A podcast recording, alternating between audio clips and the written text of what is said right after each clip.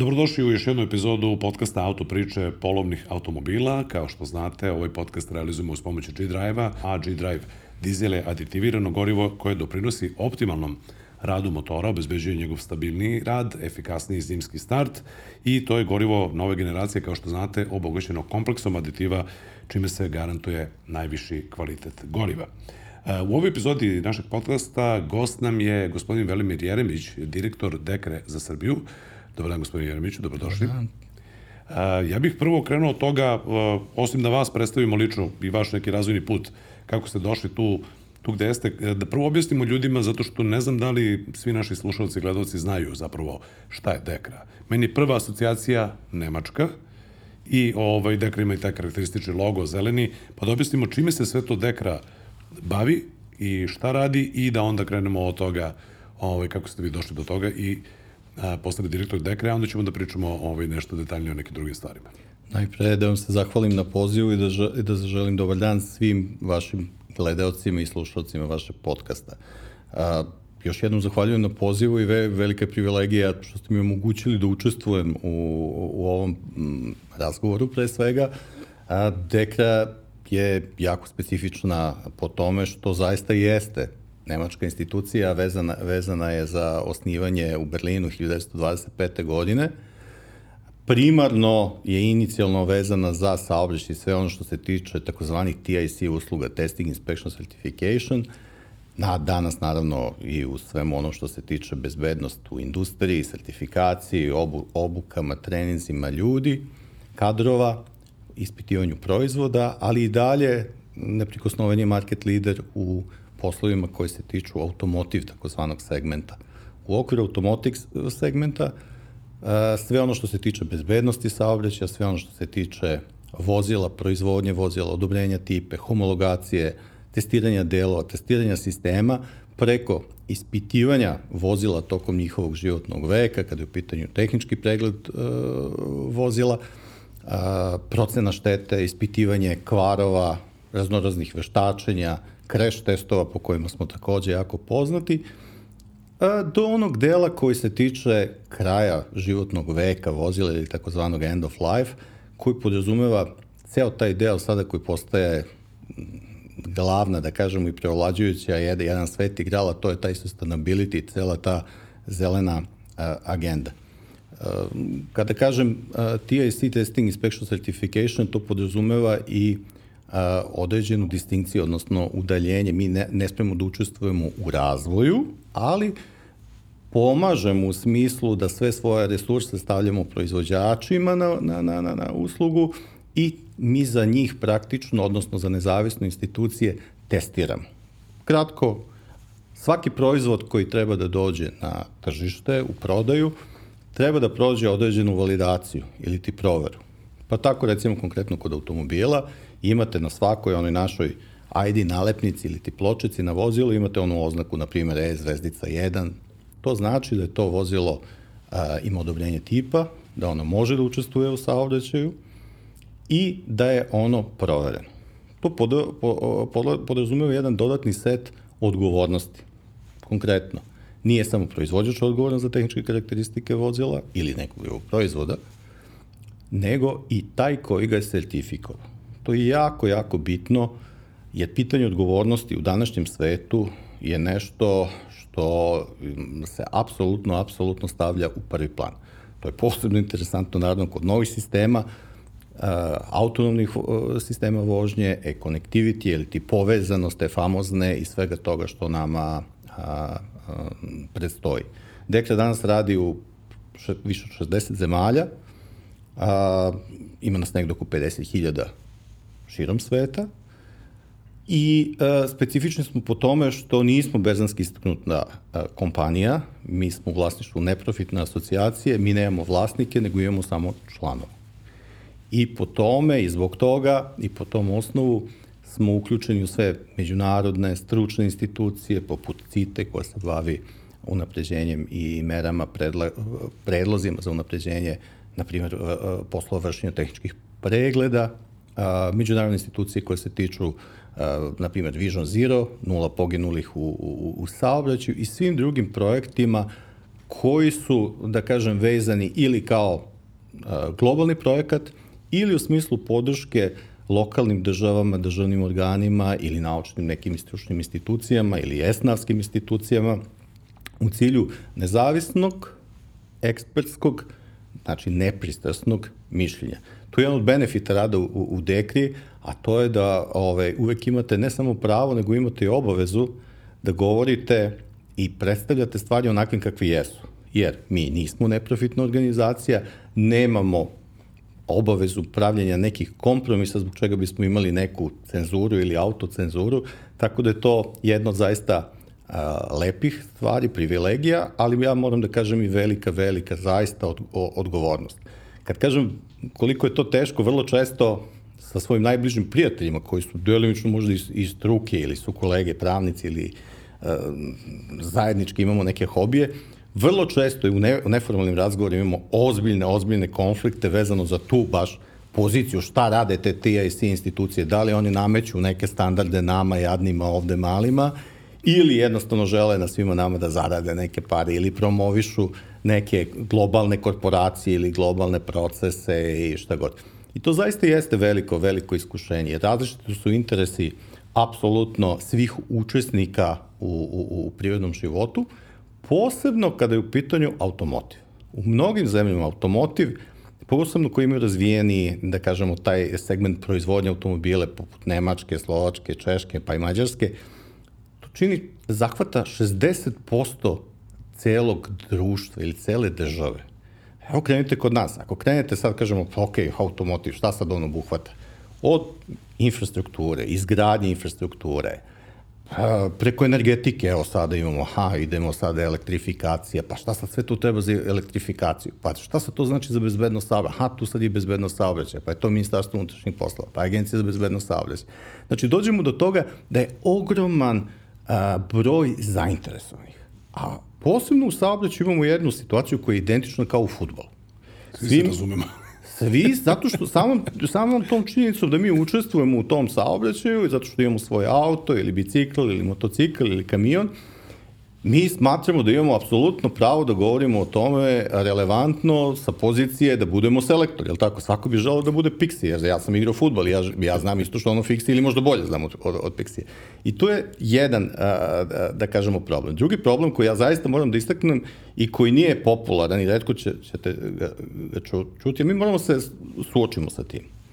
Rođenjem našim i navršenjem nekih 18 godina ili koliko li već, nije nam prirodno garantovano da mi možemo, trebamo ili imamo kapacitet za učestvovanje u saobraćaju. To je uh, jedan veliki problem. Uh, svakako jeste jedna od ustavnih sloboda ili garantovanog prava, prava na, na, na kretanje i slobodu kretanja. I... Međutim, uh, auto i vlasništvo nad automobilom je uh, vlasništvo nad op opasnom stvari. Auto je opasna stvar i on podrazumeva odgovornost vlasnika, odnosno korisnika. A, vrlo često mi za, zanemarujemo psihofizičke karakteristike vozača. A, u mnogim zemljama je to prepoznato, posebno u okolnostima novog aktualnog saobraćaja. Imamo situaciju recimo da je, da je, da je kolege moje su u Nemačkoj radili a, ozbiljnu analizu istaknuto u Dekla Road Safety Reportu za prošlu godinu, čini mi se, gde je recimo napravljen grafikon porasta broja a, saobraćenih nezgoda gde su izazivači osobe preko 63 godine. Zašto? A, zato što se saobraćaj usložio, mnogo je komplikovaniji i počinje da pravi mnestičke, odnosno da kažemo izaziva određene probleme tim ljudima da se oni malo teže snalaze. Nažalost, mislim da smo i mi sad imali u poslednjih godinu dana uh, a, tu situaciju. Imali smo nekoliko slučajeva da su starije osobe bili izazivači i to teški saobraćajnih nezgoda, gde su očigledno previdele ulazak kon, kontrasmera autoput ili tako. Očigledno to je nešto u stavljenim uslovima što, što, što, što je e, realnost i mnoge države, evo čak i kod nas u okruženju, mislim da je Hrvatska prošle godine zvanično krenula sa a, implementacijom krivične individualne odgovornosti lekara za a, a, zdravstvenu, izdato zdravstveno uverenje vozaču. Ja sam se šokirao, moram to da kažem na svom ličnom primjeru, pre dve, tri nedelje sam otišao da, da, da, da produžim a, vozačku dozvolu Evo, verujte mi, ja nisam znao za to i bio sam šokiran. Platio sam taksu uh, i ja sam rekao, ok, dobro, samo gde da uradim ovaj, lekarsko uverenje? Koje je lekarsko uverenje? Nije neophodno lekarsko uverenje. Ja sad kažem onda s kolegama Nema to iz rečenju, u smislu ne struke, nosite naučare, e, pa samim tim i nije neophodno lekarsko uverenje, zato što, a- kod mene je recimo neophodno zbog, zbog dioptrije. Jasno, ali izvinite, molim, 10 godina je rok, je li tako? Zbog čega smo onda produžili to? Ko je razlog? A, mislim da poenta zaista treba da bude da, ok, platit ćemo taksu koliko god treba, nebitno, ali za 10, nakon 10 godina ja sam možda izgubio sluh, možda sam izgubio vid, možda sam imao, imao neki psihički problem. Ja zaista moram da a, imam lekarsko uverenje da bih mogao da budem, da imam neku garanciju. Naravno, taj, ne bih teo da komentarišem i taj deo uh, lekarskog sistematskog pregleda koji, ko, koji, se, koji se kod nas i načina kako se vrši, ja se sećam mog i ne bih teo da ga, da ga pominjem, jer nisam ga ja sam, nego smo svi kolektivno ušli unutra, gde apsolutno nije bilo moguće, nas 20 je bilo unutra, da se zaista utvrdi da li smo svi zaista podobni za učešću. To je prva stvar. Druga stvar, koja se tiče vozila. Vlasništvo nad vozilom, ovo je zaista jede sad što ću ja reći, a, nije podrazumevana stvar. Šta to znači? Da biste vi imali auto, vi morate da imate uslova ne samo da ga kupite, taj auto košta. I to je vrlo veliki problem. Ovo nije da sad ja promovišem, kaže, aha, paš ga briga, ovo za službeni auto. O, radi u stranoj kompaniji. Ne. I Jugo 45 može da učestvuje u saobraćaju. Dan danas. 55, star 35 godina ali on podrazumeva određeni trošak. Kao što ko, određeni trošak podrazumeva i vozilo visoke klase, koje je dve godine staro. Različite nivo troška. Znači, ja sam to imao u svojoj kući. Ja sam svom detu Kriština, u redu je kupiš ti auto. U redu kupiš BMW trojka ili šta god. Nebitno. Ali to podrazumeva neki trošak. Trebaš neke pneumatike da tu kupiš, pa zimske pola, pa nisu to jeftine sad pneumatici. Pa imaš neke obloge kočijane, pa imaš neko održavanje, pa imaš servis. A ne, to će drug da mi servira. To je tek dodatna priča o kojoj ćemo kasnije pričati. Tako da mi moramo da budemo svesni da auto podrazumeva trošak. E Sad, viš kažem, a lako je tebi da pričaš, pa ja imam platu 400 evra. To je sad drugi par cipela. Sa, bezbednost u saobraćaju nije kompromis. Mislim da je, e, to često profesor Lipovac je e, znao da, ist, da istakne da bezbednost u saobraćaju nije socijalna kategorija. I to ja znam da nije popularno reći, pogotovo od strane državnih predstavnika, jer jednostavno izazivate i negativnu o- odgovor a, a, publike a, i birača, ali suštinski, ljudi, to je zaista tako.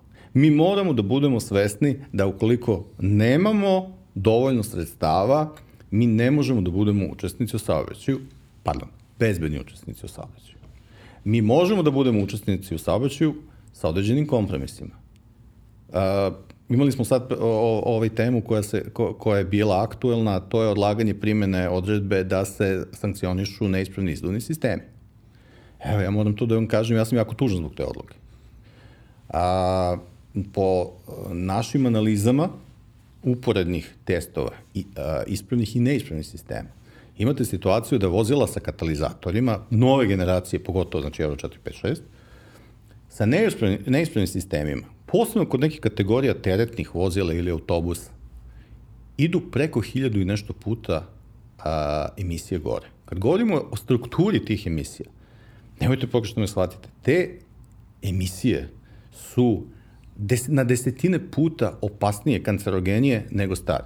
Banalan primjer. Kada ste imali Golf, recimo, jedinicu, ili Tamiće, ili Rabu, Njegov ciklus je bio drugačiji. A, struktura je drugačija. To je oblak gde ima velikih a, čestica koje uglavnom padaju dole, ne kažem da su manje opasne, ali dobar deo se zadrži na dlačicama u nosu, padaju dole. Struktura sagorevanja novih motora, bez obzira dizel ili, ili benzin, ali posebno dizel naravno, znači pa, čestice nitroks oksida, sumpornih oksida, to je znači, znači toliko malo da naša deca direktno to inhaliraju i to ulazi u krvotok. Lakše ga zapravo ponese vetar i lakše, lakše se apsorbuje. Ne, nego su toliko male. Znači da one bukvalno, bukvalno ulaze u krvotok. I time a, mi dolazimo do, do a s druge strane, a, imamo situaciju da recimo a, u Beogradu imate dnevno u saobraćaju između 920 i 960, recimo 980 autobusa gradskog saobraćaja. Plus svi ostali koji se, ko, ko, ko, koji se kreću kroz Beograd. To mi je jedan od razloga zbog čega u, u letnjem periodu mi postavimo pitanje, čekaj, zašto je toliko zagađen vazduha, Kad nema ne loži. individualnih Da. ložišta koje su zaista najveći, najveći zagađivači kod, kod nas, ali to je tek druga, druga tema. I u tome jeste stvar što mi na internetu sad ako odete, ne znam, na Facebook ili bilo gde, vidjet ćete, vidjet ćete reklame za premošćavanje korišćenja AdBlue-a. Da, da, da imate gomila uh, ljudi koja ja srećem, katalizator, to je glupost, auto ti loši ide, ma, a, manje troši, malo to čipujemo, završimo i to je to. Kratko samo digresija, ali mislim da je korisna. Jel može to u Nemačkoj da se reklamira? Pa verovatno ne. A, mi smo, a, dvojica kolega su imala zadatak da preko interneta i na svaki drugi mogući način a, dođu do svih rešenja tog tipa. Fokus je, moram da naglasim, bio na, na teretnim vozilima i autobusima, jer je utvrđeno da 4 eurocenta po kilometru se štedi time što oni to premoste i ne koriste AdBlue, govorim o tome. Dolazilo se da, da to recimo kreće od tih mehaničkih sklopova ili softversko-mehaničkih kako god ove, sklopova, košta od 50 recimo pa bilo čak do 500 evra. Najskuplji taj na 500, e, 500 evra, ovaj, a, vozač ima daljinac. Zašto je to bitno bilo? Ako ga zaustavi, ovo što sam po, malo pre pomenuo, roadside inspection, on pritisne dugme, ovo, on proveri tamo su sve u redu, nema nikakvih problema i on ide dalje. Međutim, a, onda su kolege u Skandinaviji i Nemačkoj a, došli do dva modela, hva, da kažemo, lova.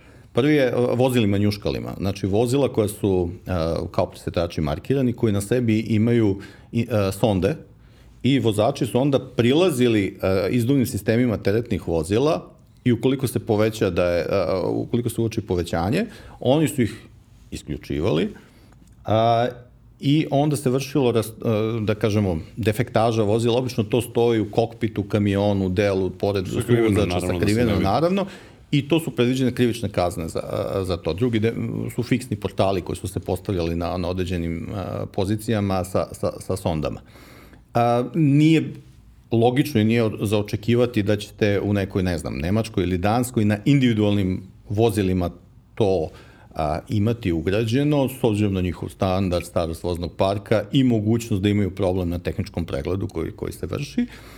I zato je fokus bio na, na, na kamionima i autobusima. I iz toga baš a, rada, a, ja sam čak i prezentovao na, na, na dva savetovanja, koliko je opasno to. I mi sad dođemo u situaciju da mi platimo par stotina evra ili za teretno vozilo to ide uh, ili za radne mašine po nekim informacijama i do više hiljada evra da se ukloni taj sistem i mi znači platimo to da bismo trovali našu decu.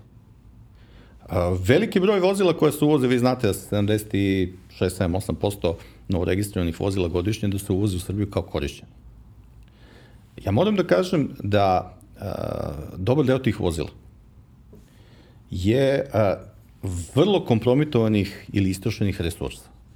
Bez obzira da li je prosečno ili kao što, što, što je, m, se kod nas i, i evidentira, da li je to 3000 evra vozilo ili 5000 evra vozilo ili možda 105.000 evra.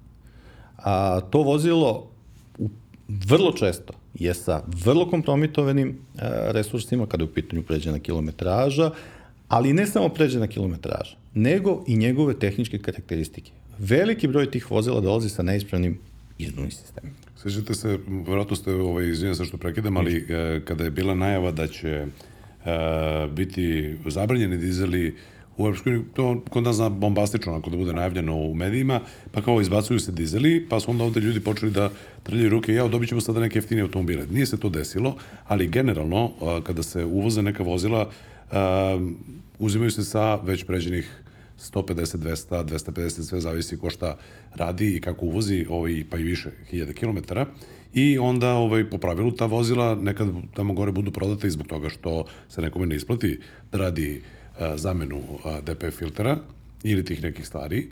E, onda se to ovde uveze, pa se ne razmišlja o tome kako to utiče, a bilo je, to znam iz nekog ličnog iskustva, dakle, ne govorim u ime polovnih automobila, situacija da neki nesavesni prodavci uh, ili uvezu automobil, pa onda da bi zbog plemenitih metala u samom katalizatoru uh, skinuli to sami, to čovek koji kupi vozilo ne zna, više puta su to i neke druge redakcije ovaj, izveštavali o tome šta da uradite kada vas neko tako prevari i on zapravo emituje čist otrov u atmosferu i u okruženju oko sebe. On je imao tamo neki čar od nekoliko stotina evra i vrti se sve u krug. Ali vi kao kupac vozila, vi ste s jedne strane prevareni, s druge strane mnogi kupci, zato što žele da prođu jeftinije, misle da su prevarili sistem jer je sistem a, a, nepravedan, jel?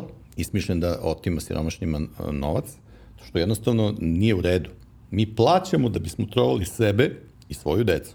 Ovo što ste rekli je vrlo dobar primer.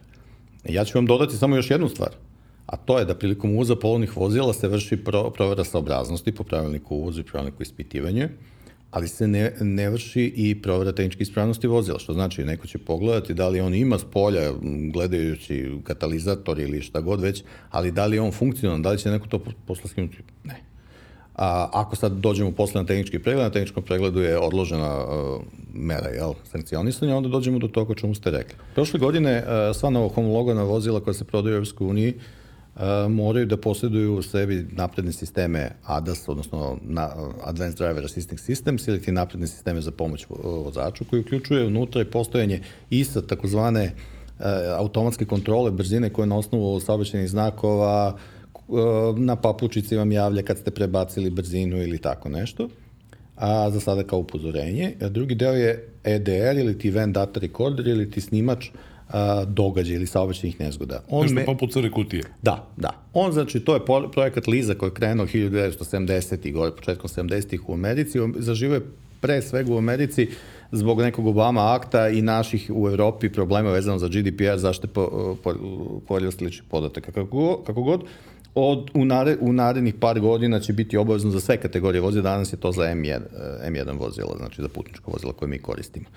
Um, šta to znači? Da EDR uh, praktično beleži u poslednjih 5 sekundi pre sudara i 3 sekunde nakon sudara ceo, uh, ceo događaj i parametre za kretanje volana, kako se kretalo, papučica, gasa, kočnice, kako se krete, obrte i motora, uh, raznorazni e, senzori pokreta, ve, baš ovome što, što ste vi e, sada re, e, rekli. To nije jedna kutija, kako mi sad zamišljamo, kutija pa je stavljena. To je pohranjeno u, u, u, u više sistema e, u, u, u, vozilu i ono zaista u realnom vremenu može da, da, da, da to kontroliše. Mi imamo jedno, jednog kolegu koji, koji je licenciran za, za očitavanje i za analitiku toga, imamo taj jedan uređaj i to će zaista da bude uh, veliki, veliki doprinos kada je u pitanju uh, veštačenja. Imali smo jedno, to mogu da navedem kao primjer, imali smo situaciju da je jedan da je bila prijava, prijava štete, da je vlasnik, odnosno korisnik jednog premium suva,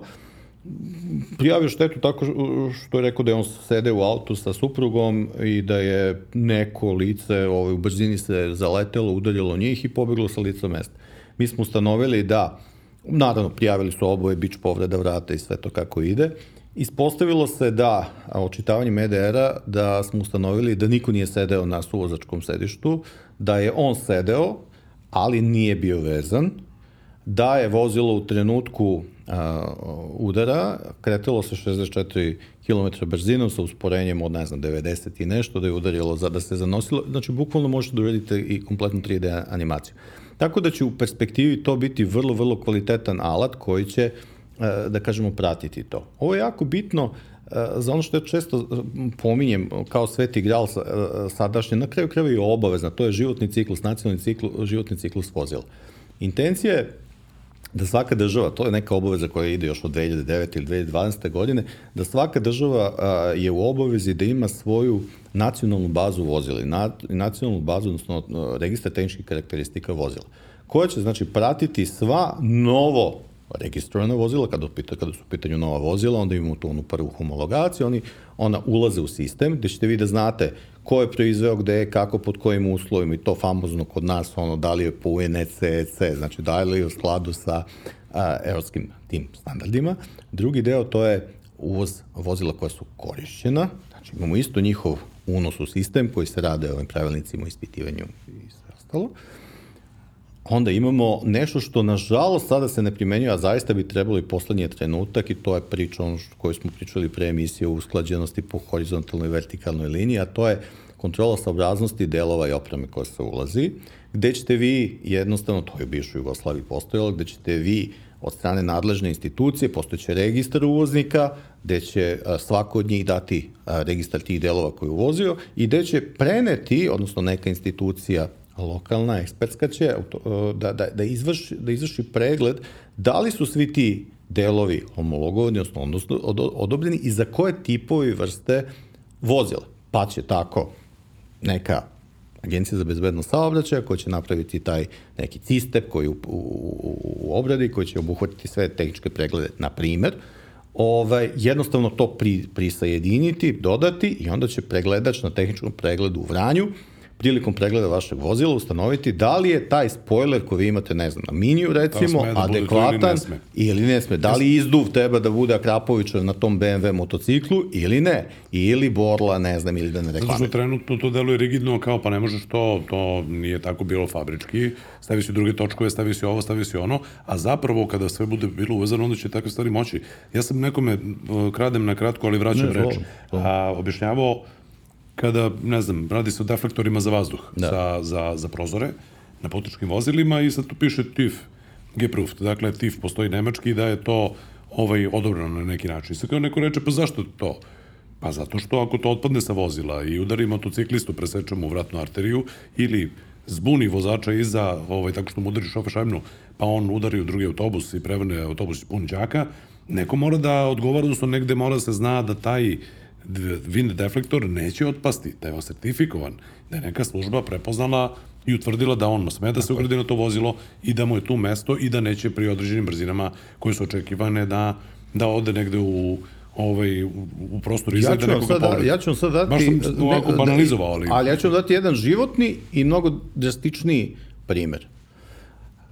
Da li mi možemo sada u ovom trenutku sa sigurnošću, ja ne mogu, da e, a, analiziramo koliko je zaista saobraćenih nezgoda a, izazvala loša, neautorizovana, bez ikakve sertifikacije koja je došla sa istoka sjelica koje je neko ugradio uh, aftermarket jel, u, u svoj auto, uh, koja je zaslepila drugog vozača ili uh, i izazvala da on pređe jedno drugo vozilo na, na, na drugu kolovoznu traku, direktan sudar sa poginulim, jel?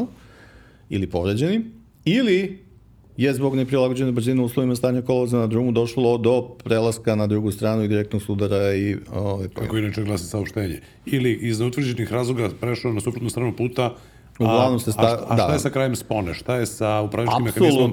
Gde je servisirana? Ja sam sad fokusiran samo na ovaj deo. Da, da, a drugi da, deo, ovo što ste vi sada rekli, to idemo do druge e, karike u lancu životnog ciklusa vozila, to je praćenje životnog veka vozila. A to je i vama, i nama, i svima jako bitno. Zašto? Životni, uh, kroz taj period korišćenja, mi imamo saobraćene nezgode, nažalost, mi imamo redovne vanredne servise, mi imamo štetne događaje, popravku nakon štetnih događaja, imamo zamene ulja, zamene delova, pa imamo sad tu neku ekologiju, pa imamo sve ostalo.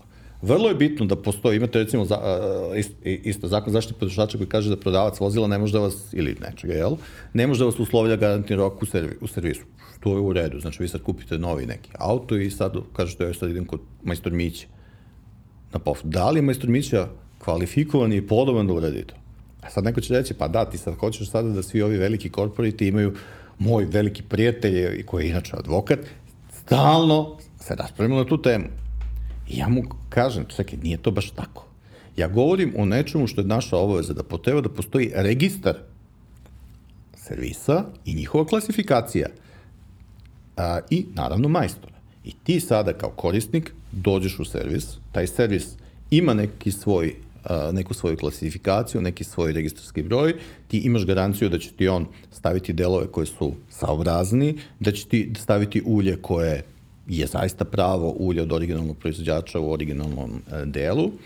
On ima svoju tehničku opremljenost, ima kadrovsku opremljenost, ima svoj sledstveni, jel sad dolazimo do sustainability dela, koji se tiče, na primer, a, ulje. Da li znate recimo da od 2012. godine na, u, kod nas u Srbiji je regulativa obavezujuća da sve farbe koje se koriste u autoindustriji materijali moraju da budu na vodenoj bazi neškodljive tako, okej. Okay. Da li znate koliko su procenata toga koristi danas? Šta mislite prilike? Pa ne znam, možda bi da, da pogodim, evo, bukvalno ovaj Pikado. 30%. ne više od 7%. To je strašno. To je zastrašujući i za sirote majstore koji rade i za sve ostali profit je tu nešto što je neminovnost. Da. I mi sad, znači, trebamo da pokrenemo sve mehanizme kako bi nadležne institucije, nadležni organi radili. Da li treba očekivati o svest, e, da će svest vlasnika servisa ili majstora da, da bude tolika da kažem, ma ne, ja ću da radim za džabe ili radit ću za minus ili ću podići cenu, a to nema ko da plati. Vrlo, vrlo, vrlo ovaj, nezgodno. S druge strane, imate još jednu obavezu. Zagađivaš plaće, imamo zakonsku regulativu koja, ti, koja se tiče zaštite životne sredine svaki se, imamo sada elektronske fakture. Tako je. Znači, mi sada možemo da kontrolišemo apsolutno sve. Zbog čega sada dolazimo do toga da majstor, majstor, majstor, ili tako, što kaže, ide, radi u nekom, u, ne, u, nekoj, u nekom ovlašćenom ili licenciranom ili nekom velikom zastupstvu, ili tako, njemu ide staž, ok, on dođe do licenci, dođe do svega, onda možda neki od njih rade popodne kod kuće u nekim uslovima. Da. Znači država ne dobija svoje prinadležnosti, budžet se ne puni, penziono, socijalno i sve ostalo trpi, školstvo, obrazovanje. Ekološki aspekt. Da li mislimo da ne, neko, neki majstormići ispod šupe ima ekološko odlaganje, na primjer, ulja? Ili se možda greje na to ulje? Ili će možda da ga izruči u najboljom slučaju kanalizaciju ili možda pored, jel, u neku njivu ili šta god. A, normalno je, i onako kako je kako bi trebalo, a to je da uz fakturu koju dobijemo za servis, ako je neki mali servis, pa imamo, ne znam, ulje, pa imamo filtere, pa tež pa ne daj, da mi jednostavno imamo dole, a to je specifikaciju, toliko i toliko ulja, toliko zamenskog vodena pumpa, ne znam, veliki deo mase, šta god već, i to onda servis dalje a, sledstvenošću gura nekome ko je otkupljivač, ko to reciklira ili šta li već radi. Znači, to je druga karika. Ono što je jako bitno, to je Izvinite, vi imate uh, štetni događaj, tako? Ne daj Bože. Pa poremećena vam geometrija vozila. Kako vam neko popravlja auto ako nema tehničko opremljeno za to? To je pitanje. Kako on proverava ispravnost kočnog sistema ako nema uređaj za proveru kočene sile? Znači, to su sve neš, neki elementi koji servisi moraju da imaju u toj nekoj klasifikaciji da bi jednostavno mi imali sistem. Znači, i prodavci delova, i prodavci, da kažemo, i serviseri, gde će svaki majstor biti potpisan. Gde ćete vi jednostavno to elektrofakturu koji majstor radi ovde. Pa normalno, i onda ćete vidjeti ako dođe do otkaza. I na kraju imamo ono što je verovatno ili što će biti najveći izazov u tom celom životnom ciklusu, a vezano je za end of life, znači reciklaža, i ono što prethodnika taj među koraka, to je pitanje a, vraćanja pojedinih delova u nacionalni sistem. Govorimo de, o delovima koje proizvođač predvideo. Imate neke četiri kategorije koje, su, koje kažu prepravka, odnosno a, re, a, reparacija ili o, delovi koje je moguće ponovo staviti u eksploat. Na primjer, vozilo je doterano na otpad, od, uh, pripremljeno za reciklažu, ali pojedini delovi od tog, i sa tog vozila se mogu skinuti. To su oni koji najviše, ne, da kažem, ne trpe toliki zamor materijala, samim tim... Proizvođač dozvoljava, da bezbedni, to, je, da. to je jedna direktiva ko, koje, koje je usvojena u Europskoj uniji, da jednostavno svaki proizvođač delegira, odnosno te četiri kategorije koje mogu da budu, da li se nešto može, da li menjač može da se reparira i da ga vi skinete i u kojim uslovima i da ga onda vratite. Ali onda trebate napraviti nacionalnu bazu vozi, takvih delova gde će se oni staviti, da će oni imati neku svoju i cenu i nekog, nekog da kažemo uslovnečanu garanciju gde ste kupili, kako ste kupili, to će jako pomoći i osiguravajućim kompanijama, jer imamo situaciju da ako je kod nas 17,3 godine prošla starost voznog parka, od toga 14 godina u Beogradu, onda možemo zamislimo kolika je starost vo, voznog parka u nekoj unutrašnjosti, nekim lebanama. Znači, u, u, u tom smislu govorimo recimo posebne kategorije vozila, da recimo vi imate ne znam, evo, da pomenem ško, škodu, škodu, recimo, ne znam, neku Feli, Feliciju staru ili favorit, evo, favorit recimo, ko je, ne znam, slomljen uh, retrovizor ili možda far ili još na hauba, to vozilo ide u, u totalnu štetu odmah. Zašto? Neisplativo je staviti nov deo, na, na nju taj deo košta koliko god. Jel?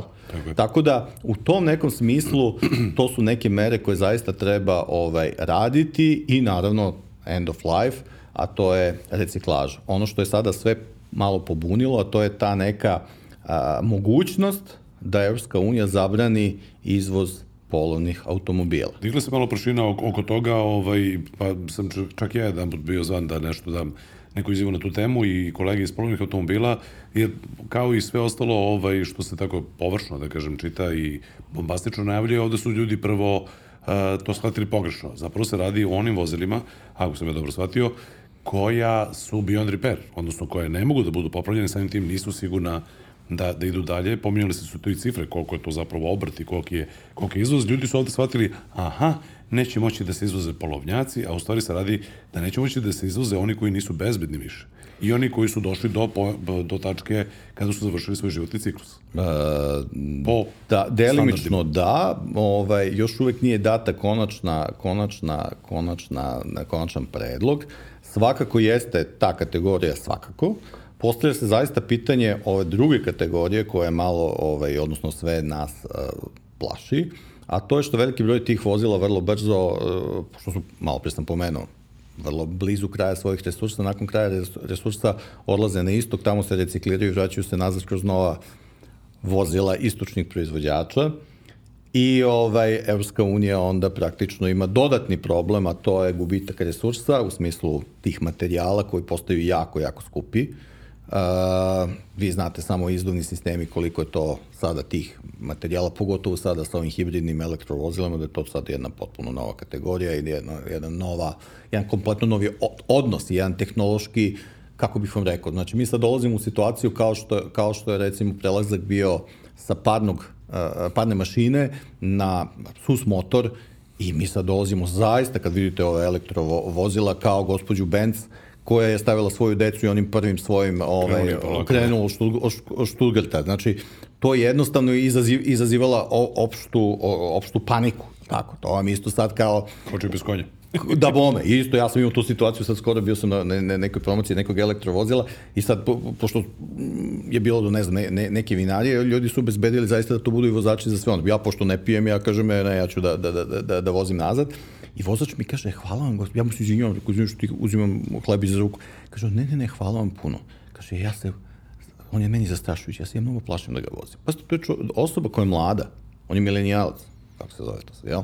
Ovaj, za njega je zastrašujući. Zašto? Što je to nova tehnologija, zašto je to nepoznato, to ga plaši a, snaga toga, svo, sa, sava one, on, ona način sila. Način koji ubrzava, da. Način koji ubrzava, sila one elektronike, čuda i svega. Ali to je nešto što trebamo biti open mind. Znate, digla se mnogo velika a, farka oko toga, znate, elektrifikacija. Da li je elektrifikacija jedino i konačno rešenje baterijsko vozilo? Pošto ja zaista nemam kristalnu kuglu, kuglu i mislim da svako onaj ko pretenduje da kaže da, mislim da je možda pretencijozan i daje sebi mnogo veliku važnost. Ja mislim da niko od nas ne zna koje će biti konačno rešenje. Da li će BEV, baterijska električna vozila, biti jedno od rešenja? Svakako da. Da li su ti fosilna goriva limitirana? Naravno da jesu. Ali šta li će biti, da li ćemo kao ono, ja mislim da to je to back, uh, povratak u budućnost, drugi ili treći deo, gde, gde, gde, gde profa stavi o, džubre, uzme džubre tako da, banane i stavi... Organik, džubre stavi e, da, da, da. u onaj kondenzator, kako je yes. nazvao, ono... Ovo jednostavno treba biti open mind. Ja samo, ja samo kažem, e, ljudi, pre 15 godina, A, ko bi od nas pretpostavio, sećate se, tad su bilo one, ono Nokia i, i, i Ericsson, ono, pa ko ima manji telefon. Tako, pa, ko će da pretpostavio da će nam trebati veliki ekrani. I ko je pretpostavio da ćemo ceo svet imati u mobilnom telefonu. Mi jednim pokretom svojim uđemo i, i vidimo banka. cijel svet, i banka, i čuda, i sve ostalo. Tako da treba, da, što bi mladi danas rekli, budemo open mind. Ko zna za 10-15 godina da li ćemo mi imati bateriju koja će traje mesec dana i koja će se puniti za, za trip. Nemam, koja će biti neškodljiva, koja neće se za, da, se, da, da gori kako ova gori. Treba biti otvorenog uma i jednostavno sve to sagledavati. Naravno, sve ono što je novo plaši. Moj pokojni tata, advokat, on je skinuo između ostalog advokatsku tablu i nije želeo više da, da, da se bavi advokaturom zato što je morao sa Unisove, one naranđaste pisaće mašine, da pređe na kompjutere. Jednostavno on, čovjek bio 37. godišnji, jednostavno nije mogao da se prebaci. Isto ovo mi moramo da budemo spremni. To, drugo moramo da budemo spremni za tektonsku promenu u automotivu u celom. Neka zanimanja, nemojte, pa, pa ste, evo da se vratim opet, a, u, u mom e, Smederu, ja sam poreklom Smederevac, a kad sam ja bio dete, bila su tri uh, majstora za audio, odnosno za TV, mehaniku i, i, i te stvari. To su jedni od najuglednijih ljudi, razumete, to je bilo ono da ti dođeš na red kod njih, da ti to da pregledaju, to je bilo cenjeno, poštovano vam. Ko se sveća danas sa uh, TV mehaničara? Kome to treba? I jednostavno se promenilo. Drugo, podsjetit ću vas na dva primjera, dve velike kompanije koje više ne postoje, pa onda mogu da ih, ili postoje uslovno recimo. Prvo je Kodak. Svi smo ovi, imali Kodak filmove, maštali smo Kodak aparat. Nisu se transformisali i nastali su. Nokia u jednom trenutku je držala 60% ili više tržišta. U jednom trenutku ih je nest, su nestali. Postoje sad u nekoj drugoj varijanti, ali kažem, jednostavno mi moramo da budemo fleksibilni, da sakledavamo činjenice pitanje vlasništva nad automobilima. Isto to je, veliko to je pitanje. velika tema i nasmili smo se ja i kolegi za kamere kad ste pomenuli Kodak, jer smo i u prethodnoj epizodi ovaj, pričali sa, sa, sa, sa Kosom i upravo upotrebio isti primer vezano za, za ovaj, prosto promenu, promenu stava, ali uh, hteo sam da se vratim, uh, jako, ovaj, prvo, jako se lepo slušati, Uh, prosto uh, ide ta priča jako tečno, ali sam hteo da se vratim na ovaj um, životni ciklus automobila. Uh, E, ovde postoji, svedoci smo, sada već postoji aplikacija prema našim saznanjima, e, mislim, Udruženja osiguravača Srbije, koja e, radi to neko umržavanje gde bi mogli da proverite i možete proverite prema broju šasije da li je bilo oštetnih zahteva. E, to kako ste opisali i to kako ste naveli zvuči sjajno. Samo da li ćemo mi to moći da primenimo? Sutra sigurno ne. Ne, sutra sigurno ne. Kako kaže Patrik iz Sunđe Bob, sutra, sutra sigurno. Ali ovaj, da li ćemo to u bliskoj budućnosti, jer ja tu um, predviđam veliki otpor. Hvala. A... Šta bi bio početak? Pomenuli ste ABS u tom smislu, da bi ABS trebao da bude recimo jedan od pokretača, da napravi jedinstvenu bazu i sada da se, dakle, i svako polovno vozilo kada, kada ulazi u zemlju da se uvede u taj sistem.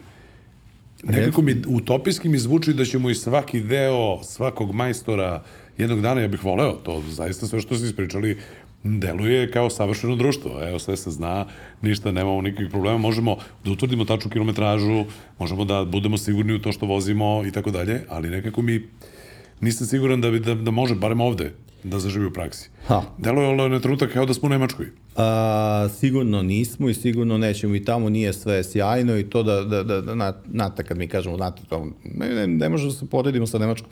Nemačka ima 45 miliona vozila ili koliko li već. A, neke, neke stvari su identične. To je da i tamo i ovde status voznog parka raste. Sta, raste u Americi. Tektonske promene pomenuli smo autoindustriju. A, svuda u svakoj državi, državi postoji jedno telo koje, da kažemo, stožer koje okuplja sve ostale koje su zainteresovani, malo kada je u pitanju automotiv. Malo pre sam pomenuo da, da, da, da, da to ide čak do 60%. Ovaj, da što. U Nemačkoj to nećete verovati, KBA. KBA je institucija koja je u okviru ministarstva privrede. Kako se od one vezi imaju s tehničkim pregledima, sa vozilima, sa čudima? Pa ima, zato što vi u Nemačkoj imate pitanje poreza, imate ogromni broj proizvođača automobila.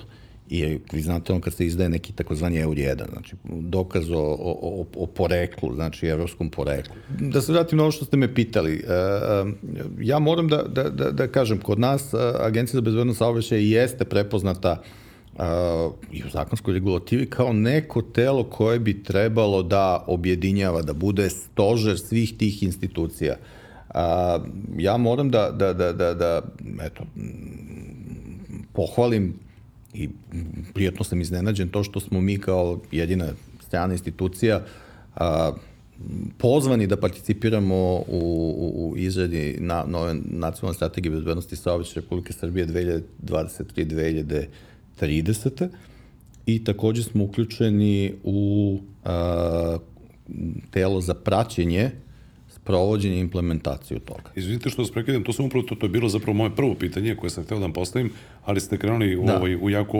ovaj, lepo izlaganje, pa je bilo prosto i neukusno da vas prekidam. Dakle, šta je to što Dekra radi u Srbiji, a onda upravo i to, dakle, ta a, integracija da ste vi deo radne grupe, dakle, da, da Dekra tu učestvuje, pogotovo u tom stubu, dakle, a bezbedno saobraćaj počeva na na pet stubova, dakle Tako stub je. vozila. Kako Tako je to kooptirano i šta tu sve mi smo, mi smo jednostavno, ovaj, a, naravno, to što smo u, u jednom stubu ne znači da ni, ne možemo da participiramo i u, u, u, u ostalim stubovima, ali kažem, a,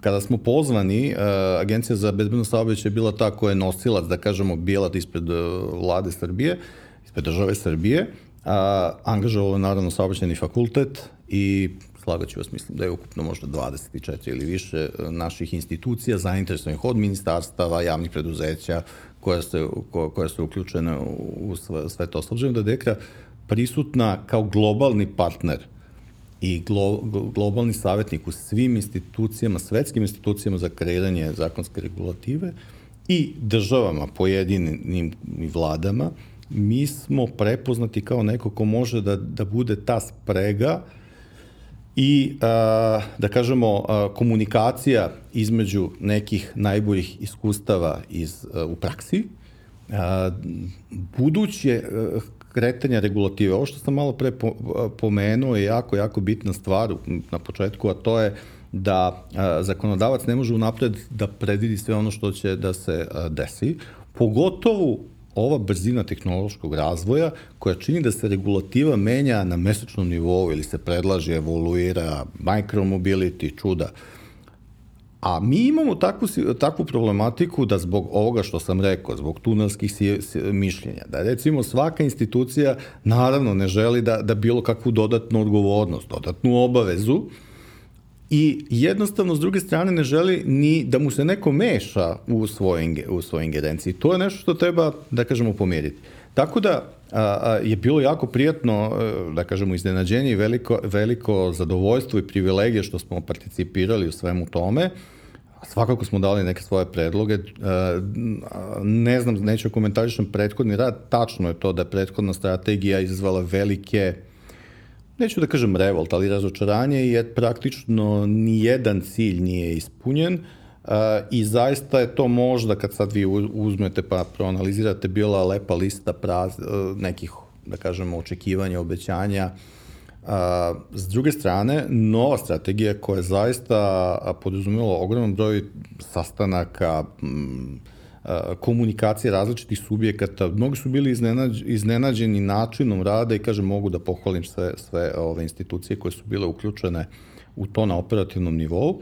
A, napravljena je razlika, recimo i upravo za javne politike, a, mi smo već bili napravili je, je, jedan, jedan daf koji je ok, ali ovo nije u skladu sa onim kako to treba da bude, pa smo onda, aha, ciljevi, pa čuda, i onda zaista se to prilagodilo, usaglasilo kompletno sa, i, i sa nekim, da kažemo, očekivanjima i, da kažemo, smernicama i Evropske unije i UNEC-a. A posebno akcioni plan. Akcioni plan se radi na dve godine i podrazumeva individualizaciju, z, a, da kažemo, a, nosilaca određenih a, zadataka i preuzetih obaveza. Mislim da je to javno objavljeno čini mi se da je 90 nešto miliona, 94 miliona, da je, da je, da je predviđeno u naredne dve godine da se odvoji za, za, za te mere. Da li je to idealno?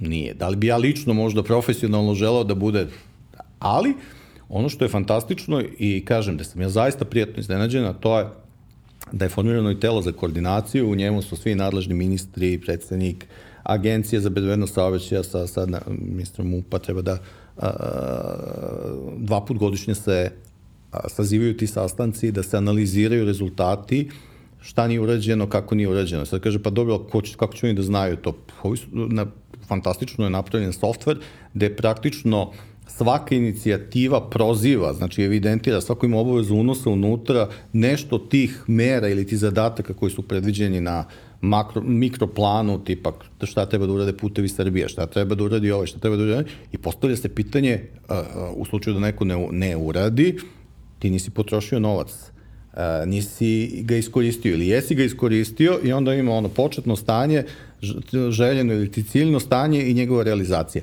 Tako da mi to zaista daje veru da ćemo nešto napraviti. Da li će to biti ceo put za dve godine, naravno da ne. Da li, će, da li će biti, se nakon dve godine donosi novi akcijni plan i tako do, ovaj, ovaj do kraja, Da li će biti neke revizije? I to je moguće, naravno, ako se vidi da nešto nije u redu ili da nega treba pojačati, svakako, svakako će e, biti. Koliko je to složeno pitanje, e, evo ja ću ponoviti jednu kratko, kratka, kratak samo deo. Imamo recimo obavezu koja je preuzeta a to tiče se roadside inspection. Kad se kaže roadside inspection, šta je to? To je iznenadna nenajavljena provera za sada N, N, N kategorije vozila. Znači, pričamo o kamionima pre svega. Podrazumeva postavljanje mobilnih oprema za, za, za provjeru tehničke ispravnosti vozila ili ti mobilnih tehničkih pregleda. U nekim državama je koncept da se postavi fiksne tehnički pregledi pored puta, gde se vozilo sa teretom i vozačom prebaci. Ok.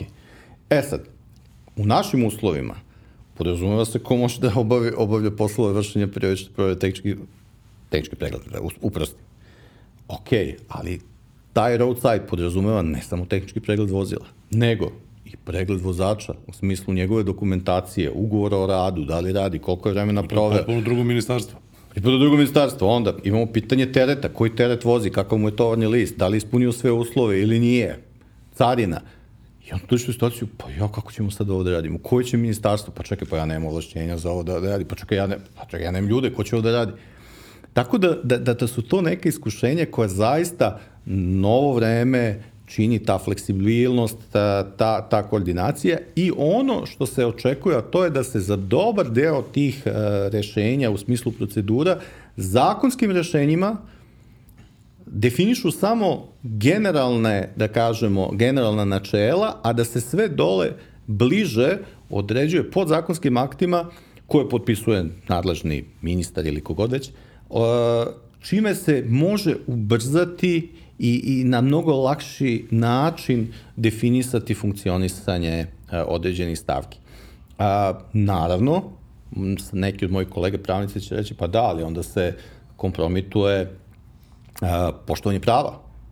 Jer onda možemo da dođemo do toga da neko pod zakonskim odlukama vlada, najgore je vladati uredbama, tako. Ali to je već drugo pitanje, ovo se, mislim da se ipak više mora fokusirati na tehnička rešenja, pravilnike postupanja. Da li ste mi odličan šlagvor da vas pitam ovaj, još nešto što smatram za važno? Pričat ćemo i o strategiji koju Slovenija da. ovaj, je nedavno usvojila i još malo mikromobilnosti, ali želim da vas pitam i sledeće. Kada kažete prava, prvo ovaj, što će nekome da zazvoni ne na konto ovoga što ste malo čas rekli, a ima veze sa nekim novim momentima ovaj, u saobraćaju i, i generalno u uh, strategiji i zakonima oko nas. Kada pričamo o oduzimanju vozila, budući da Dekra ima toliko, ajde kažem, širok uh, dijapazon uh, tržišta, odnosno zemalja iz kojih može da povuče ovaj, podatke i, i iskustva. Kako je vaš, gledajte, kakav je vaš stav na taj predlog, odnosno na to oduzimanje vozila uh, kojima je izvršeno ovaj, to teško delo ugrožavanja bezbednosti u saobraćaju, dakle, privremenog oduzimanja vozila i kakva su recimo iskustva iz nekih drugih zemalja? Sad ste me potaknuli, ovaj, pogodili ste me sad ovim pitanjem, to moram da, da, da vam kažem. Ne znam da se zahvalim ili ne. Malo pre sam pomenuo kolegu advokata s kojima imamo burne, burne rasprave i onako dok bude gledao ovaj, ovaj, kast, ovaj podcast uživać. A, da.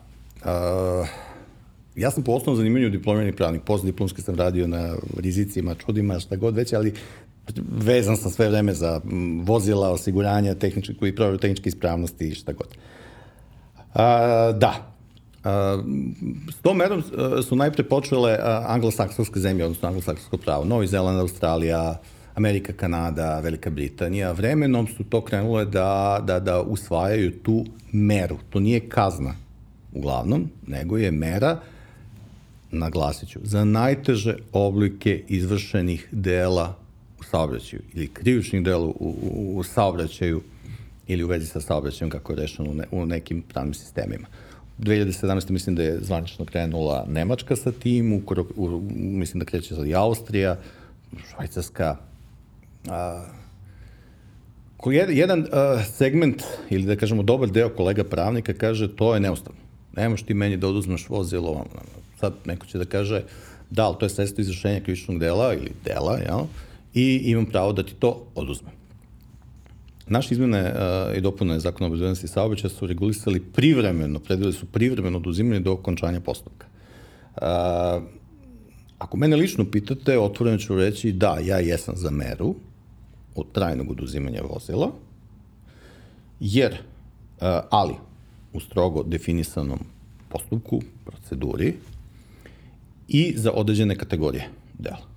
A, mi imamo zaista, evo, primer. Uh, poznato je pre par meseci ili koliko je već to bilo ovaj, uh, na Pančevačku putu da je lice izvalo tešku saobraćajnu nezgodu sa troje poginulih koji ima slagaću vas neku su, abnormalnu količinu. On u tom trenutku isto je bio sa oduzetom, za, sa zabranom, sa merom zabrane upravljanja vozilom. Da 64 neka prekršaja teško je tako dalje. Ja mislim više. Ili ja mislim više nešto, ili 100 nešto. Možda nešto bi se zastrašujuće. Isti da. to slučaj i sa, i sa, i sa onim učiniocem u, na Karaburmi, ono dete što je, što je siroto nastradalo, i on pre toga ne, neku stariju osobu ove, zakaču. Postoje određene, to je ono što sam ja rekao malo na početku, da postoje određene kategorije ljudi koje zaista mi moramo da utvrdimo, da li su uopšte oni podobni, uh, znate, u, kad su automobili u pitanju, postoji taj ne, ne, neki worthiness uh, package, znači ono, dostojnost za učestvovanje u saobraćaju. To je nešto što u Evropsku uniju, je to na nivou Ujedinih nacija. To je, znači, aha, da li je to vozilo dostojno, da li je ta osoba zaista dosto, dostojna za učešće u saobraćaju. A, s mojim prijateljima često sta, ove, sedim ovde, ovde, ovde na bulevaru kod Lipovog lada. ja sam motorista od 12. godine. Do dan dana, znači vozim 41 godinu. A, ne mogu da prihvatim da dvojica momaka a, krenu od, od, od, od, od, od, djerma i da na točku išaltuju tri brzine, to znači realno ne manje 150-170 km na sat i voze na, jedan to, na jednom točku kroz, kroz uh, bulevar. To nije greška. Da se odmah razumemo. Greške u saobraćaju su neminovnost, svi mi grešimo u saobraćaju i svi ćemo grešiti. A pokojni Ayrton Sena, Niki Lauda, nažalost, onakvi vozači pa su pravili svoje greške. A mi trebamo samo da, da se potrudimo da učistimo sve da te greške imaju što manje posledice da budu što ređe, boljim treningom, boljom edukacijom. Kod nas se uh, zove polaganje, idem da polažem vozačke ispita, ne da naučim da vozim, da budem bezpredni učesnik u saobraćaju. Evropska uh, komisija donosi novi set, nov paket mera za, za voza, vozača, obuku vozača, uvođenje simulatora, svašta nešto. A s druge strane mi imamo ovde odbijanje da uh, saobraćajne vaspitanje uđe u saobraćaj. A u suštini, najveći problem i dobar deo na, naših problema kreće od nedostatku saobraćajnog vaspitanja, a, a to je domaćeg vaspitanja. Gde se prelazi ulica, kako se prelazi ulica od pešaka? Jer ste na početku pomenuli da smo Stop. sa 18 godina uh, učesnici u saobraćaju, mi smo zapravo učesnici mnogo ranije, ali ovako sa volanom u rukama. Ali kad vidim neku majku ili deku, baku, koji uh, organizovano uh, dete, ovaj, jer ovo da je kraće, krenu da pretrčavaju negde u ulicu, meni se kosa digne na glavi. Da, ali, to je problem, problem pa, pa nesankcionisanje, ne, nesankcionisanje, jer mi imamo sad zakonsku regulativu da je to duplo veća kazna ako se u, u, učini to delo sa, uz pristup deteta. Ali sad ako mene pitate, ja sam 70. godište, ako me pitate kada si naučio saobraćene propise, ja ću reći ne znam. Zašto? Zato što se sećam da o, vaspitačica u obdaništu je ajmo cvetići kada prelazite, gledate levo, pa, led, pa ste išli u osnovnu školu, pa ste imali u okviru OTP-a, opšte tehničkog obrazovanja ili kako se to već zvalo, pa ste imali na svakom kraju učbenika, pa ste imali one uh, sijalice, ono, pa se sećam, imali ste presek onog fiću, ili, ili pa kampanjolu, pa ste učili kako izgledaju su motori, pa smo imali šta znaš o saobraćaju takmičenje, gde smo se vi želeli da budemo, jer svaka osnovna škola je imala onaj poligon, pa smo vozili biciklice, ja sam bio milicajac, sam bio sa, sa onim ovaj, um, uniformom, pravom uniformom i to je bilo, mislim, u septembru, početku školske godine, gde smo mi zaista sa milicajcem, nekim rumenkom, sediš pored, ovaj, pored njega i on kaže, evo vidi ga, ovaj ide sa, ide sa ovim špediterom, jel, de mu fe, fenjer, kaže, ajde vidimo da li ima, pa mu mi priđemo, stavite fenjer, podržne, To je bilo pre 40, pre 45-6 godina. Danas ABS radi pažljivku u smotru, ali to Absolutno. mora da uđe i u sistem obrazovanja. Apsolutno. Ja vama sad kažem, ok, mi smo se pravili, pa su od, od kartona pravili, krenu se crtale, saobraćajnici i sve ostalo. Uh, Ško je rekla sad, ok, drugari, idete sad, možete da imate uh, u sistemu obuke, simula... inače Hrvatska i Srbija uh, imaju jedan od najtežih uh, sistema za polaganje. Ok, specifičan je finski, ali da ne ulazim u detalje. Teško se dobije dozvola ali kod nas ne izađe a, ne, a, sa, po, sa dozvolom osoba koja je a, bezbedan učesnik u saobraćaju. Moj sin je došao kod mene i kaže daj mi auto. I da, ja sam položio. Ja kažem, bravo sin, ono, ali ti nemaš pojma voznje. Pa kako, kako ne, pa ja imam, ne, ti pričaš gluposti, kaže, ja imam dozvolu. Ti imaš pravo, dozvolu da učestvuješ u saobraćaju. ali ti ne znaš još uvek, nemaš rutinu, nemaš ovo, nemaš ono. Da li mi danas možemo deci omogućiti kroz osnovne škole, ja bih apelovao, evo svako ko, ko želi da se uključi, a, za angažman oko i, a, postavljanja simulatora u osnovne škole, jer vidite, vi imate po tržnim centrima svuda da ljudi vole, ti, zaista je ta tehnika otišla toliko da vi možete sada da imate simulator motocikla, da je kao pravi motocikl, da mogu da osete kako izgleda to za leganje, levo, desno. Da kao video igrice i da napravimo toga takmičenje i da kroz takvu jednu kampanju pomognemo da deca u realnim situacijama to vidi. No, nov predlog da, da, da, da, da, da generalne regulative za obuku će podrazumevati jedinstveni kriterijum i, i e, registar svih, uh, u EU ne kod nas, za sada, uh, svih vozačkih dozvola, objedinjavanje kazne, da budu iste ili slične kazne, a, minimum 17 godina za učešće, 4,25 tona NDM, najveće dozvoljene mase vozila zbog elektrovozila koje bivaju sve, bivaju sve teže. Vrlo izvesno, znači do 125 kubika dvotočkaši, da će podrazumevati ukoliko imate B da možete da vozite. A, veliki a, upliv a, procentualno a, obaveze zapravo testova ili ti poligona bezbedne vožnje gde će biti jedna mera u probnom periodu koja će biti svakako dve godine, da, a, da ako se, da policija ili, ili nadležni a, sudija može da vas uputi i u probnom periodu i nakon toga da vi trebate da, da uredite. Evo, postoji jedno pitanje, vi sad završite uh, vozački ispit, da li vi znate, evo sad ne znam koliko godina vozite, da li vi znate sada da stavite lance za sneg sami? Ja znam jer sam to morao da snimim, ali pre toga za upravo ovaj YouTube kanal, i ovaj, ali pre toga nisam ih nikada stavljao Tako i niko mi nije to pokazao. Da li znate da koristite PP aparat u slučaju da vam se auto upali? To znam. S tim što sam ja, ajde kažem, vozač od 97. godine okay. i ovaj, prošlo je ovaj, da kažem, dosta godina. Ali, ali složite da ste vi nadposečni ni vozač, u smislu da, nadposečnih vozač, veština.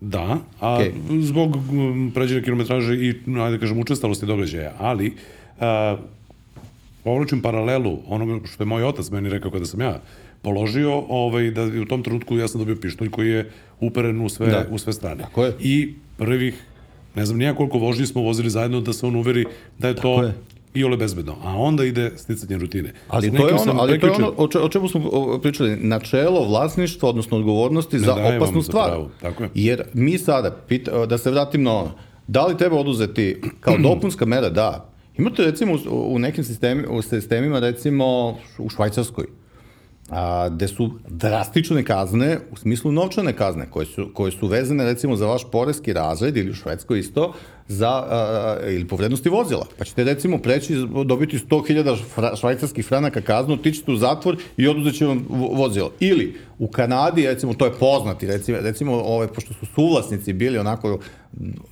da kažem, po, ono, lokalno popularni ovaj, a, osobe, a, novi model Ferrari je bio u pitanju i 196 km ili tako nešto negde u, u, u, u a, British Kolumbiji.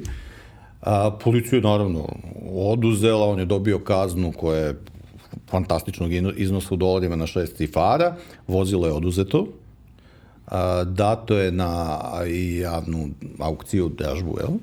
A, prednost prilikom kupovine je imao drugi suvlasnik, jer su oni kupili po pola taj Ferrari i ovaj a, kome je oduzet, odnosno on je bio, o, da kažemo, ovaj drugi je bio upućen na tužbu protiv ovog njegovog suvlasnika za nadoknadu troškova, zato što je izgubio i to je rešeno, rešeno pitanje, nema nikakvih problema.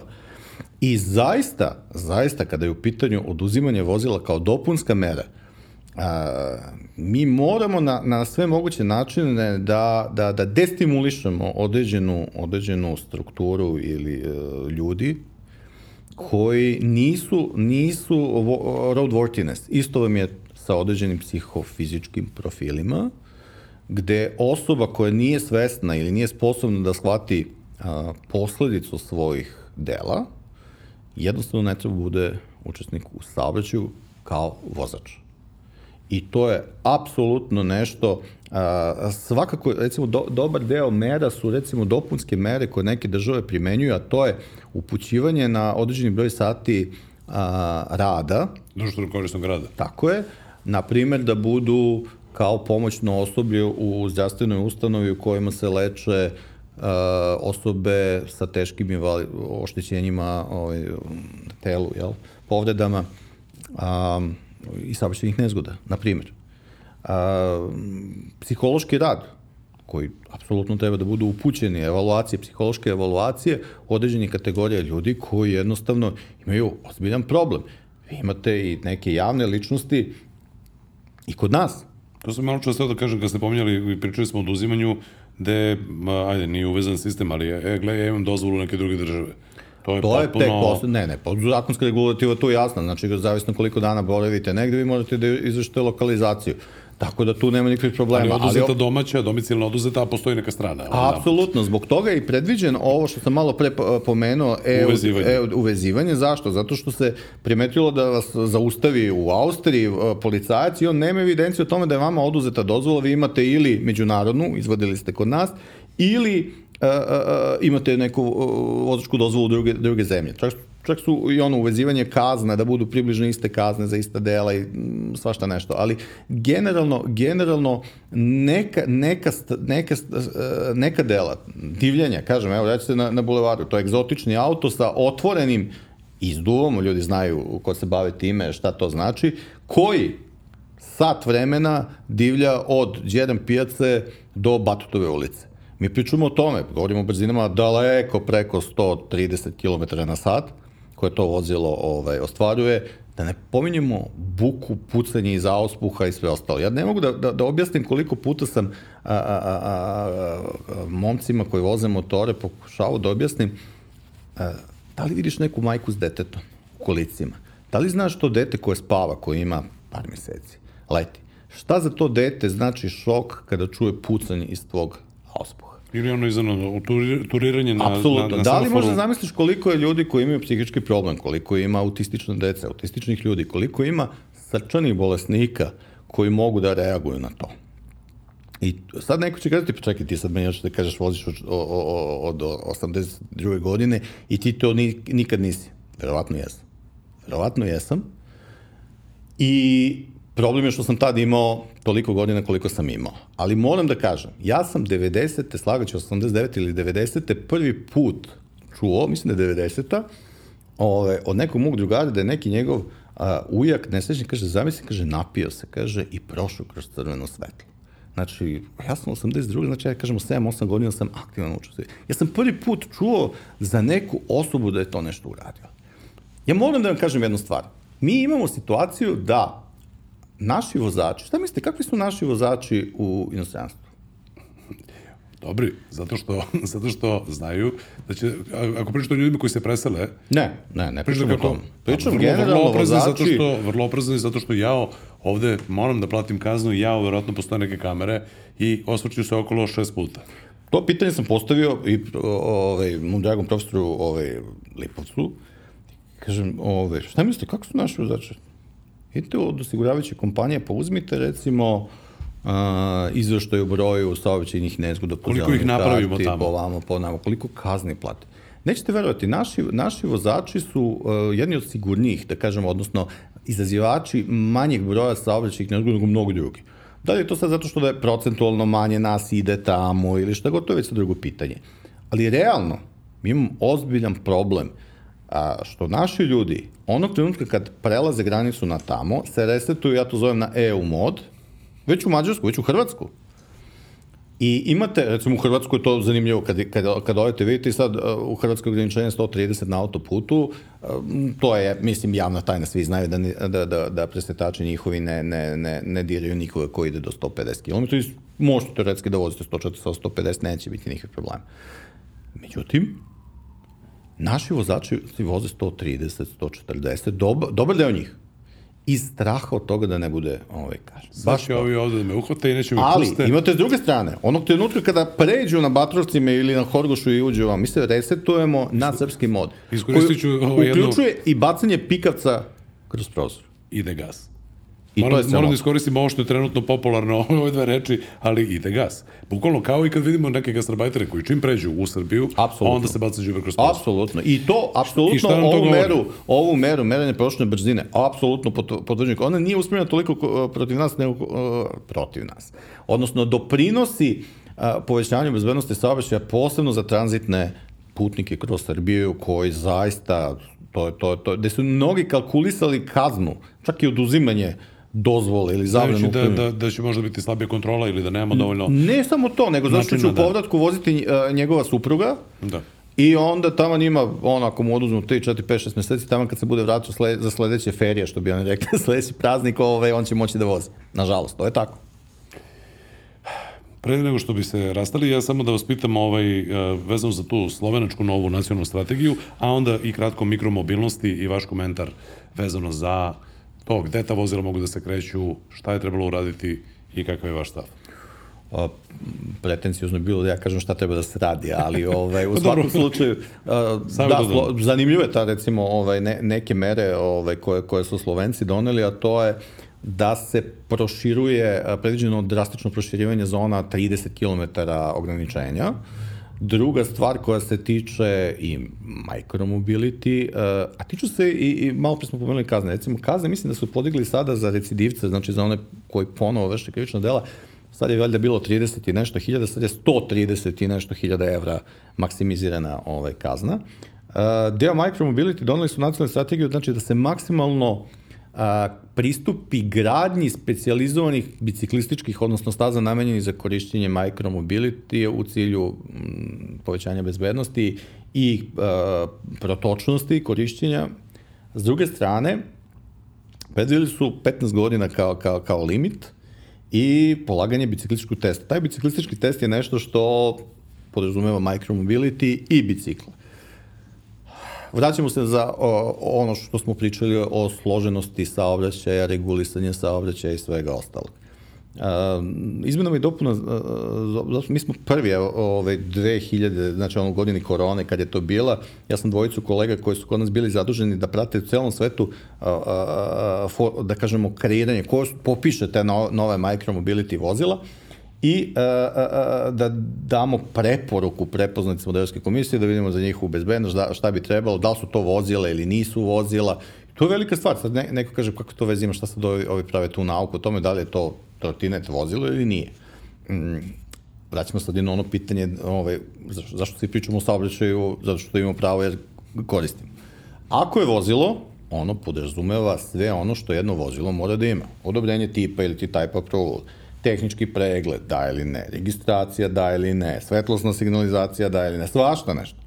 Ako je to individualno sredstvo transporta, onda to možda i ne bude tako recimo, ovi mnogi ovi proizvođači IT, o, ove, pardon, a, a, jesu inicijalno IT, proizvođači elektrovozila, oni kažu naša vozila nisu automotiv i jednostavno želimo da oni potpadaju pod uh, automotiv regulativu, taj OBD, nego je to IT proizvod. To je IT proizvod, jedna kao što je laptop, kao što je šta god i jednostavno ne želimo da ulazimo u to. Ne želimo OBD, ovaj priključak. Ovo mi je jedan veliki, da kažemo, market lider, malte ne u tome, dugo se mm, protivio tome. Tako da, tehnički pregled, kakav tehnički pregled za, za nas, pa mi smo IT. Tako da, generalno, a, a, a, a, to je zaista izazovna stvar. Ceo, da li je micromobility trend ili je, ili je potreba? Ha, a, delimično odgovor na to, na to pitanje je, isto, je sličan kao što je za, za baterijska vozila. Da li je micromobility konačno rešenje za urbanu mobilnost? Naravno da ne. Ono može da, da, da pomogne za neke kategorije, neke, ne, neke analize kažu da je rezultat micromobility je da se isto vozi, a da se manje hoda. Posebno u onim grupama, ciljnim grupama, tinejdžera ili ti, te mlađe populacije koje bi naprotiv trebala što više da bude aktivna, da. proaktivna i da se, i da se kreće. Um, regulative jedinstvene nema, Bila je, bilo je raznoraznih pokušaja, a o, bilo je za, ono korak napred, dva koraka nazad, bilo je pogrešnih odluka, videlo se evo sad u Parizu odluka koja je bila da je referendum o tome da li, da li su ljudi za ili ne micromobility. Svakako, treba biti e, tolerantan i trebaju ljudi koji se bave strukom da, se, da, da, da, da nađu neko rešenje. Ono što je neka preporuka, ajde da kažemo i sa strane pa i naša preporuka koja je bila, to je da to ipak ima karakter Uh, nisu micromobility samo trotineti. Postoje samo recimo okvirno neke čet, četiri podgrupe bicikala, različitih elektrobicikala. Koji se takođe ubraju u taj micromobility. A, pa da. imate, imate balansirajuće, samo balansirajuće, ne samo balansirajuće. Pa imate micromobility dostavna, teretna vozila. Pa imate priključna dostava, ka, vozila za kapilarnu dostavu. Recimo, to su fantastična vozila. To su mala vozila elektro sa, sa, koje mogu da pomognu da se u urbanim pešačkim zonama vrši dostava za butike, za pekare, za restorane. A da ne mora da god. vozilo da ne zagađuje. Tako da ne je, tako je, tako je. Onda imate vozila za, micromobility vozila za slabo pokretne ili nepokretna lica i tako nešto. Postoje razne, razne kategorije. Ono što za, a, a, apsolutno je nesporno, individualna vozila ličnog transporta za sport i razonodu a, ne smeju i ne bi trebalo da se koriste u javnom saobraćaju, već samo isključivo na površinama koje su namenski određene za to, predviđene za to. Tu spadaju elek, razne vrste električnih skejtova, hovera, rolera, monocikala, znači i tome apsolutno nema mesta u javnom saobraćaju. S druge strane, micromobility vozila mogu da budu rešenje, delimično rešenje kao, kao jedna, jedna, jedna, kažemo, opcija u okviru urbanog saobraćaja, pored dobrog gradskog saobraćaja, pored svega ostalog, ali ta vozila moraju da, da, da, da budu s jedne strane generalno da kažemo, ne de, uslovljena, nego jednostavno da, da podrazume određeni set čega, šta oni treba da imaju, da posjeduju. Svakako limitacija snage, uh, svakako ograničenje brzine koje ne, ne može da bude između 20 i 25 km, to je ne, neki limit. A, da li treba da imaju ABS? Da, verovatno. Da li treba da imaju neku vrstu signalizacije? Da. Da li, apsurd je recimo, to je često isto primjer, da li znate recimo kako se daje, a, ako nema svetlosnih signala, uvreženo, da kažemo, prevlađujuće mišljenje, odnosno način kako se stavlja do znacima, do znaka ostalim učesnicima u saobraćaju da ćete skrenuti. Pa, trebalo bi znak rukom. Ne, nogom. Nogom? Nogom, zato što ako o, sa micromobility date rukom, A, možda padne. kompromitujete ovaj bezbedno. Znači, trebalo bi nogom. Znači, ali onda vi trebate i edukaciju ostalih učesnika u saobraćaju da, razu, da razumeju šta znači ako on, on pokazuje nogom, na primjer. Koliko je to složeno, kažem, pitanje. Nije to ono kao ha, ha. Jedno je type approval. Da li treba da bude type approval? Šta bi on trebalo da podrazumeva? Periodična provera tehničke ispravnosti, načini ko će da se proveri kako je to vozilo. Drugo, da li osiguranje, evo, pitanje, a, registracija, kaže, ja, sad će oni da traže neke nalepnice tu, pa drž, pa ne daj. Ja sam čak da se doda RFI mod, da, da vi jednostavno možete da, da, da ispratite, jer kako ćete utvrditi da li je neko a, na tom elektro trotinetu ili čemu god, udario na bulevaru, što se desilo, konobara, i pobegao. Kako vi možete da znate? Ili kako... Ovaj... Ili neko dete, ne da Bože, završilo se jako loše. Tako je. Kako znamo ko je to tako bio? Tako je. Da. A, tako da vi morate da imate tu identifikaciju. Drugo, postoji nešto zove geofencing, fencing zone. Znači, to su zone gde taj uređaj koji vi imate ili to vozilo automatski treba da prelazi u taj takozvani pešački mod, pedestrian mod, gde će ona da, da audio, da video, signalizacija, 8 da km. Da pojasnim ljudima koji to, koji to možda ovaj, ne znaju, kao sa dronovima. Apsolutno. Dakle, dron kupite novi i ne može da leti između ne može da leti ovaj, iznad određenih ambasada, iznad određenih objekata, ne može da leti u zoni aerodroma. Tako je. Ovde dalje. oni automatski prelaze na taj pedestrian mod, I onda recimo ako, je do, ako će neko dozvoliti da to u nekim zonama se meša sa, sa pešačkim saobraćajem, onda oni idu na tih 8 ili 9, 10 km na sat maksimalne dozvoljene brzine, automatski e, vizualni zvučni signal, s tim što se o, nakon 8 sati uveče e, gasi e, zvučni zbog zagađenja, izbjegavanja zagađenja bukom. Audio Tako je da. recimo u, u Austriji. Obaveze za provajdere koji to dele, gde mogu da ih parkiraju, kako da ih čuvaju, kako da ih održavaju, kako da ih peru. Ako bude parkiran duže od pola sata na određenom mestu, plati kaznu. Tako da sve to mora da postoji uređeno, maksimalan broj koji je dozvoljen i tako. S druge strane, to su neke generalne smernice, znači type approval, što se tiče vozila. Znači, pričamo o generalnom, znači nešto što bi trebalo da uđe u zakonski, zakonski uh, akt. Drugi deo što se tiče vozača, to su minimalne godine, da li 14 ili 15 godina i polaganje tog nekog testa poznavanja propisa. Treći je deo koji definiše ono što će kod nas biti možda najizazovnije ako ikad pristupimo takvom načinu regulisanja, to je neka smernica o načinu regulisanja na lokalu. E, Primer.